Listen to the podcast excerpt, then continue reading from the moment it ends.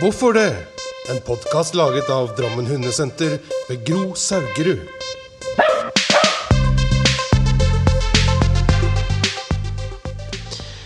Ja, vi lovte på, på forrige podkast, Gry, for du er fortsatt med.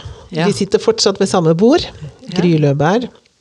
Og Um, hvis eh, de hører på for første gang nå, så har vi lagd en podkast om eh, valpe, eh, mangel på valpekurs i koronatid, hvilke problemer de gir.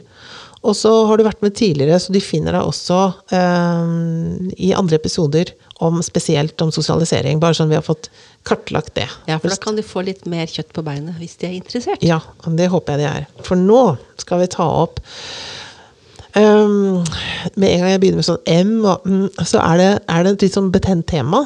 Men vi skal tørre det allikevel. For vi skal, vi skal snakke litt om um, det som skjer når mangel på kurs, for å hanke inn forrige podkasten, um, og behov for um, kunnskap er på en måte en, en daglig ting. Altså det, det er, når du har en valp, så har du behov for å vite hva du skal gjøre, og så har du kanskje ikke noe sted å henvende deg.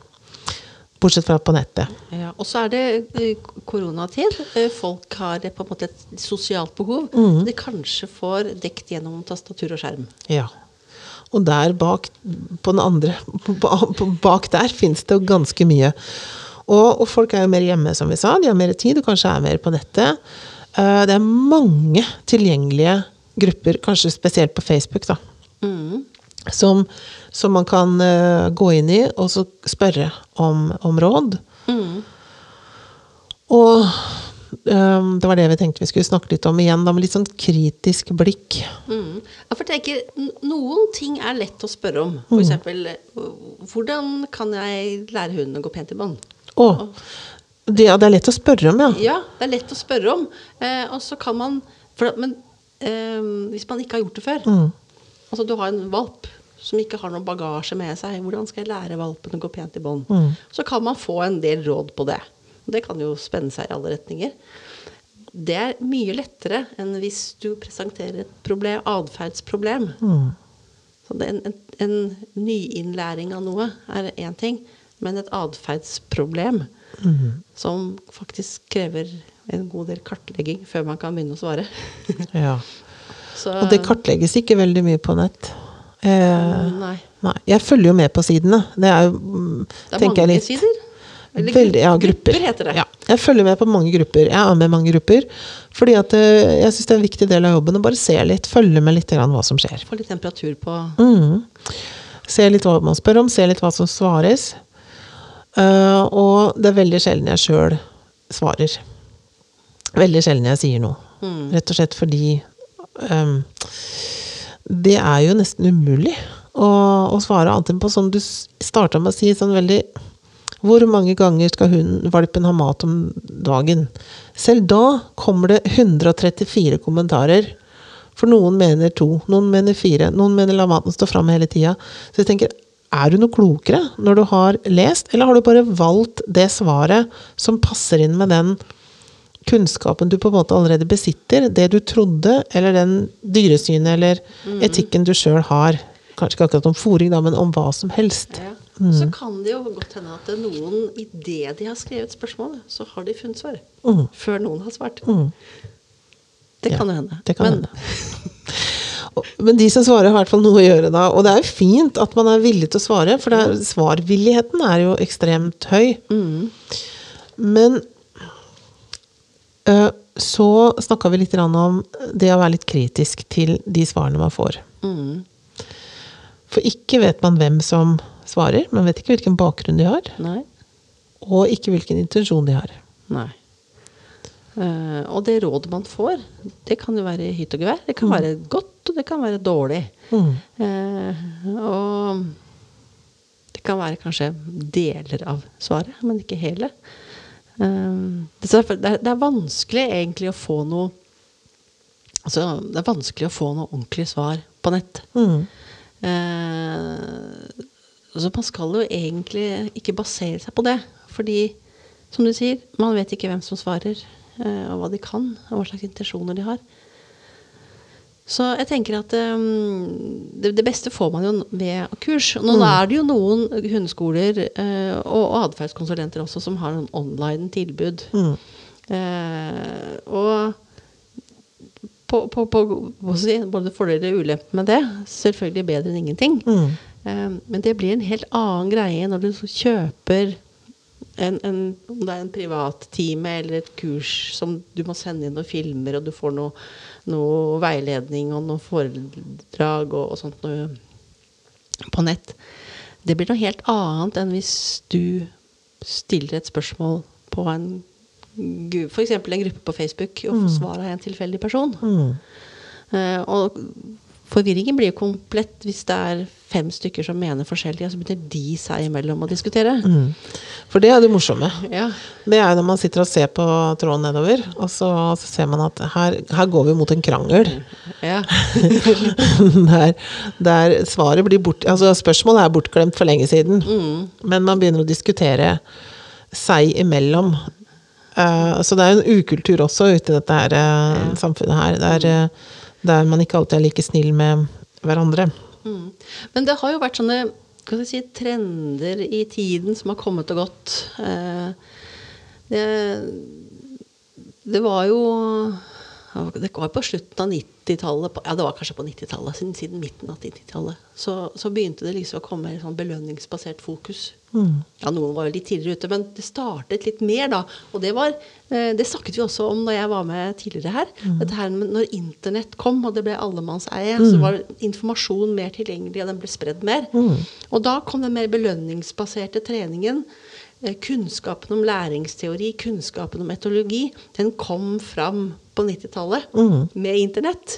Og ble spredd. Og det er veldig mange hundetrenere og atferdskonsulenter som har lært seg faget sitt, da, for å si det sånn. For at det å drive med, med hundetrening og kursing, det handler om å kunne læringsteorien sin, og så handler det om å kunne etologien sin, og så går disse her to hånd i hånd. Men det er jo eh, miljøer som på en måte benekter at eh, læringsteori er viktig. Men de trener hund. Ja. Eh, og da lurer jeg på liksom, Tror du på tyngdekraften? Nei, ikke det heller. altså, jeg tenker at eh, Vi skal gå tilbake. da. Du, du startet med den belønningsbaserte um, trenden, eller liksom bølgen, da, som kom på 90-tallet. Og så svingte pendelen da i retning belønningsbasert. Og så dukket Cæsar Milano opp på TV-en i 2010. Og så begynte pendelen å svinge tilbake, og så feida han litt ut. Og så begynte den belønningsbaserte trenden igjen. Og nå tror jeg aner at den pendelen svinger tilbake igjen. Og da lurer jeg på, er det en del av den bølgen vi ser ellers i samfunnet som er litt sånn eh, mistro til vitenskap, litt sånn konspirasjonstenk Jeg tror ikke det er så mye konspirasjonsteori i hundemiljøer, men du har den derre Det er litt mer av det i samfunnet, da. Folk som blir presentert harde fakta, som sier nei. Det er ikke sånn. Fordi min erfaring er helt annerledes. Um, så eh, jeg tenker at når man er ute eh, og, og søker råd Selvfølgelig ikke ta for god fisk, det man får være kritisk.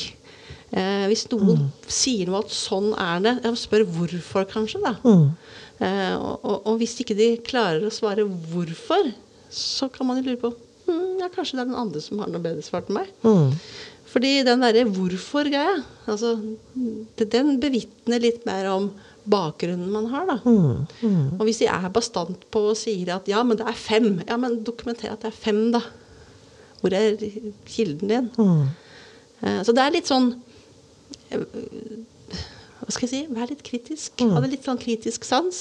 Eh, Prøv å finne ut litt bakgrunnen. Eh, Men uansett så er det litt skummelt, den der pendelen svinger igjen, da. Den svinger vel frem og tilbake og frem og tilbake. Ja, den, gjør det, og, og jeg syns at den, eh, den har liksom fått en liten sving, eh, som du sa, at fra å rigge veldig mot eh, det belønningsbaserte, så har den liksom begynt å, å falle litt andre veien. Og jeg ser det også på rådene som kommer i enkelte av disse gruppene, der de liksom disser da, liksom bare nedsnakker uh, disse belønningsbaserte folka, disse som tror Altså, det er de såkalte snakket vi, Vi snakka litt om disse hersketeknikkene, da. Ja. De såkalte uh, atferdstrenerne, de såkalte som, som stiller da Eller sår tvil om kompetansen og, eh, og metodene på en måte å holde vann, da. Til de såkalte atferdstrenerne. Mm. Så er det jo noen som mener det at det, hvis man har teoretisk bakgrunn, Mm.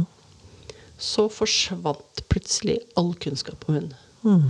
Eh, så hvis man har satt seg på skolebenken og lært etologien og læringsteorien sin, så all erfaring man hadde om hund fra før, den forsvant plutselig. Mm. Så, men det er den derre kritikken mot fag, kritikken mot vitenskap, kritikken mot akademia, Mm. kritikken mot teori. Mm. Og man mener at eh, eneste veien til Rom er masse praktisk erfaring og null teori.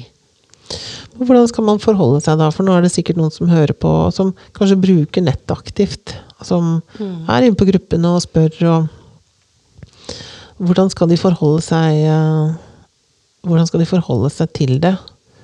Um, for det er jo veldig vanskelig når du ikke Når du sjøl ikke sitter på den kompetansen Du er kanskje en fersk hundeeier, da. Sitter med valp.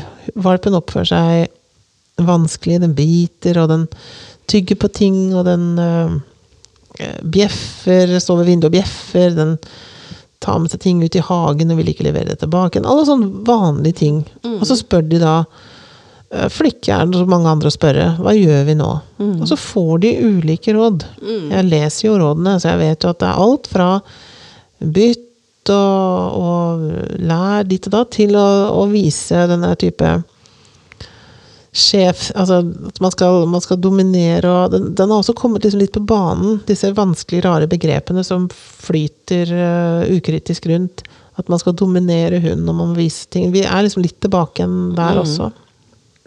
Og tenker jeg, når man får de svarene, og så har du liksom ingen man har jo sunn fornuft, man har kanskje oppdratt noen barn, og sånn, så man sitter jo ikke helt grønn, men du sitter på en måte ikke med noen erfaring av å trene et dyr. da. Nei. Og så skal du gjøre et utvalg. Hvilke av de 135 kommentarene skal jeg på en måte tro på? Mm. Og så prøver de kanskje sånn litt av alt. Og så funka ikke det. Altså, nei, da prøver vi noe annet. Nei, det funka ikke det. Og så prøver vi noe som funka litt, men så slutta det å funke. Og så driver man liksom og jobber seg gjennom kokeboka, da. Mm. Og så kan det egentlig være det å prøve flere metoder halvveis kan faktisk gjøre det vondt verre. Så mm, Nei, det er, det, er ikke lett, det er ikke lett situasjon hvis man da uh, er førstegangs hundeeier, ikke finner noe kurstilbud, for alt er stengt ned, og sårt trenger hjelp. Så Ja, for det, det skal sies da, det hjelper egentlig ikke å ringe deg eller meg og spørre på telefon heller. Fordi at det, vi er jo ikke noe mer da, vi, vi vet ikke noe mer om den hunden, bortsett fra at vi kanskje kan ta noen kontrollspørsmål og, og spørre litt mer. Men, men jeg svarer aldri på telefonen. Si hva noen skal gjøre. Hvis de sier ja, en hund som bjeffer veldig når vi møter andre hunder, hva skal jeg gjøre? Det, det kan jeg ikke svare på, for det er altfor mange ting som, som vil påvirke det er så mange gjøre. forutsetninger som ligger bak til hvorfor det har blitt sånn. Og, altså, det som er greia, er jo hvor, hvordan har atferden utviklet seg? Hva er det som gjør at atferden oppstår de dagene eller de situasjonene? Um, hva er det som vedlikeholder atferden? Og så skal man finne ut hva man skal gjøre for å, at atferden skal, eh, det skal bli mindre av den. da. Da skal jeg spørre deg om ting, Gry. Eh, Hvis jeg avbrøt nå, så beklager jeg det. Men, men akkurat i forhold til det, for du har jo Dette har jo vært din jobb tidligere. At du har jobba med konsultasjoner. Tatt imot disse hundene som har vært vanskelige, og eierne som syns det har vært vrient. Hvis du tar oss gjennom, i en litt kort versjon, en første konsultasjon der du begynner å kartlegge, bare så de skal forstå omfanget av hva, hva man trenger å vite før man begynner å, Ja. å gi noen råd. Ja, det, vi, det vi gjorde, var at alle sammen måtte gå til dyrlegen først for å sjekke at vi hadde med en frisk hund å gjøre. Ja. Hvis det viser seg at det var et eller annet helseissues, så måtte jo det bli behandlet etter veterinærens anbefaling. Eh, Så fikk de på, tilsendt på mail et spørreskjema som var på 15 sider, som de skulle ta med i utfylt stand. Og så starta vi med å gå gjennom det, og så hadde jeg sikkert en hel haug med tilleggsspørsmål i forhold til hva de svarte. Eh, og så dykket vi ned i de som var de problemstillingene. Og det var sjelden de kom med ett problem. Det var gjerne to, tre, fire. Mm. Så gikk vi gjennom hvordan det hadde utviklet seg, og ja, miljø og forsterker altså, ja, Hvorfor gjør denne hunden sånn? Eh, og så stilte vi en diagnose. Eller diagnoser. Og forklarte hundeeier liksom, hvor vanlig er dette her. Um, og det er veldig viktig egentlig altså fri de fra skyldfølelse. Mange kommer med mye skyldfølelse, og skyldfølelse løser ikke problemer. Eh, så vi må se fremover på hva de skal gjøre. Og så fikk de et behandlingsopplegg som gjerne var delt inn i to-tre faser ettersom. Fase én var gjerne to uker.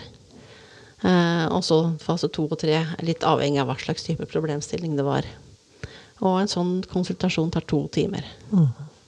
Da er det en time til kartlegging, og så siste time til å forklare hva slags problem man har med å gjøre, hvorfor det har blitt sånn, og hva de skal gjøre.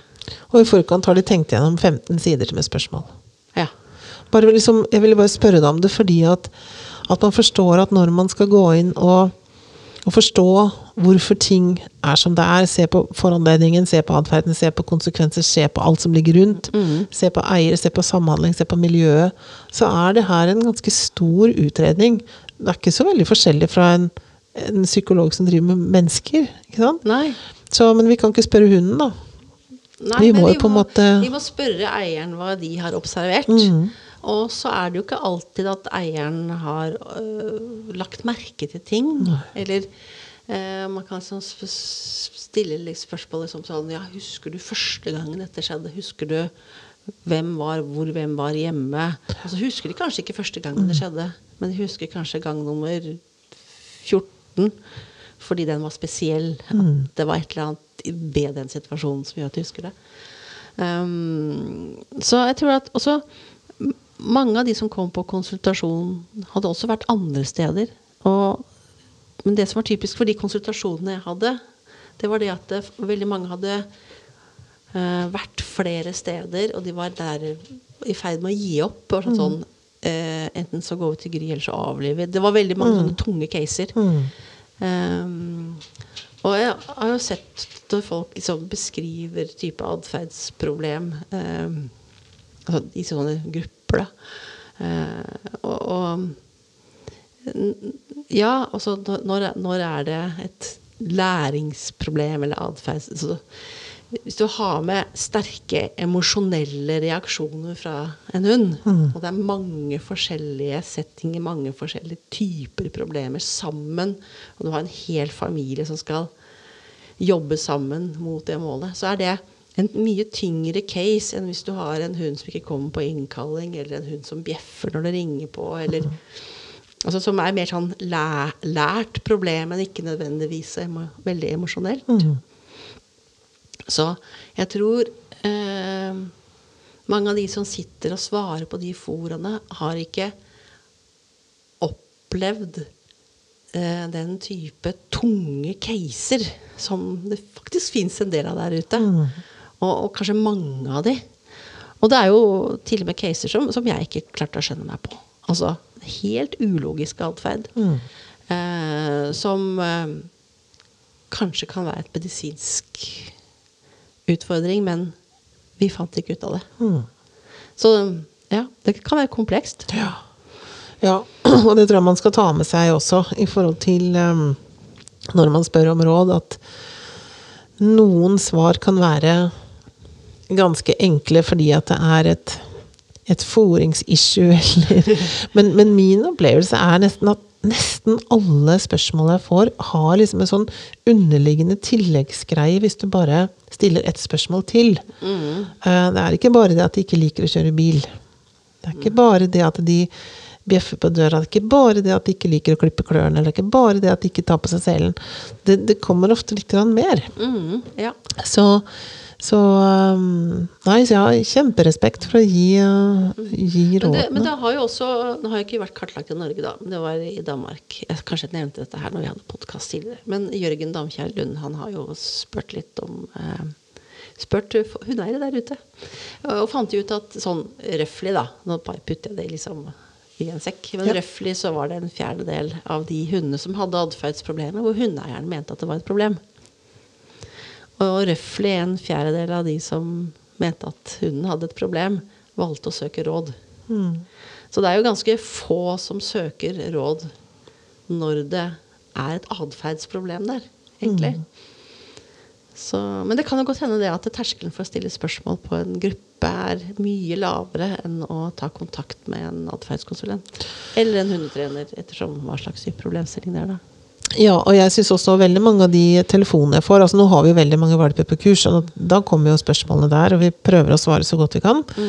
Um, men uh, mange av de spørsmålene jeg får på telefon, da så jeg spør hvor gammel er hunden, så er de ofte to-tre år eller eldre. Så de har hatt problemer ganske lenge. Altså, nå må vi gjøre noe med det. Ja. Nå, nå har vi prøvd alt. Så, så det er um, det er eh, De får ofte ganske god tid på seg til å Og prognosen, den daler jo med tiden det har vart. Altså hvis det har vart lenge. Da har huden blitt veldig god på å lære å ha et atferdsproblem i lang tid. Og så da tar det jo også lang tid å gjøre noe med det. Eller prognosen blir betydelig dårligere. Så det var jo en studie hvor de så på separasjonsangst, blant annet. Og da så de at for eh, separasjonsangst som hadde vart kortere enn ett år, altså det kan være én måned, fem måneder eller hva som helst, men inntil ett år, så var det 40% av hundene som ble bedre. Og hadde den vart lenger enn ett år, så var det ned mm. 20 så, så det å gripe fatt i det tidlig er også viktig. Og, og hvis man nå har en type problemer man ikke får hjelp til fordi at det også er nedstengt, så går jo prognosen nedover også. Ja. Og det er også, vi, vi er jo egentlig litt tilbake igjen til, til den delen vi snakka om eh, i stad. Da, Ja. da vi hadde veldig fokus på hva skjer med valper som ikke får tilbud om kurs nå fra mars i fjor og fram til nå, og åpenbart enda lenger. Vi, er jo, vi er jo veldig redde for uh, denne at gjenåpningen ikke skal ta med oss på laget nå. At, eh, at eh, arrangementer og, og ja, hva de vil holde stengt, fortsetter, og at det vil, eh, at det vil ramme valpene. Så, så Og det her gjør ikke bekymringen noe mindre når man, når man også vet at jo lengre tid de går med et problem, eller et, et atferdsproblem, jo vanskeligere blir det å gjøre noe med det. Prognosene blir mye dårligere da.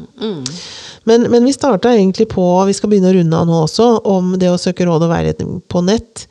Eh, gjøre en liten oppsummering av det. Det finnes enormt mange grupper. Mm. vi tok opp litt den intensjonen. Eh, vi snakka også om at vi liker ikke alltid det vi, det vi ser, i forhold til hvordan, hvordan man er mot hverandre. Noen ganger så ser det ut som de heller vil uh, snakke ned fagperson, fagpersoner. Uh, enn uh, Ja, det handler nesten mer uh, Ja, jeg vet ikke. Det blir litt sånn krigføring uti Er det litt sånn der at det, den måten man behandler andre folk på, er samme måten man behandler hund på, eller? Ja, kanskje det. ja, kanskje det. At, eh, at hvis, man, hvis man sier at jeg driver belønningsbasert, og så er man en dritt på nettet, kanskje man skal tenke Really? Er, er det, er det, vil du gjerne være belønningsbasert, eller Ja. om menneskesynet ditt er dårlig? Ja, sånn at, og, og det vi vil poengtere, er jo at søk råd kritisk på nett. Altså, mm. jeg tenker hvis man, hvis man bare vil sjekke ut hva, hva ville folk svart hvis jeg spør om dette her, så kanskje man får ta de forslagene bare sånn med seg, og kanskje ikke alltid tenke at nå skal jeg gå gjennom rekka, start fra punkt én til og se hva som funker. Ja. Fordi at du sa jo også det at eh, hvis du prøver for mange ting sånn halvveis, så kan ting bare også bli verre. Mm. Så, så jeg vet ikke om vi skal bare avrunde det lille drodleriet rundt eh, skep, skepsis til, eh, til råd og veiledning på, på nett. Eh, Det er jo alltid en risiko at noen kan bli skikkelig sinna på oss, men den får vi stå i, da. Ja. Vi står laglig til for hugg, vi. Ja, ja. Det viktigste er at de som eh, De som eh, At vi kanskje kan eh, bidra til at eh, folk ikke tar til seg eller får råd som ikke er bra for verken seg eller hunden. At man får være litt kritisk til det som blir sagt. Vi Snakket om intensjon. Intensjonen vår med denne episoden her er jo at valpene og hundene skal få det bedre. Ja.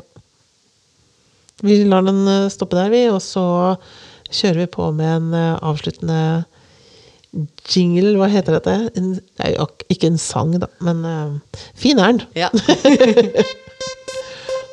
Hvorfor det? En podkast laget av Drammen Hundesenter ved Gro Saugerud.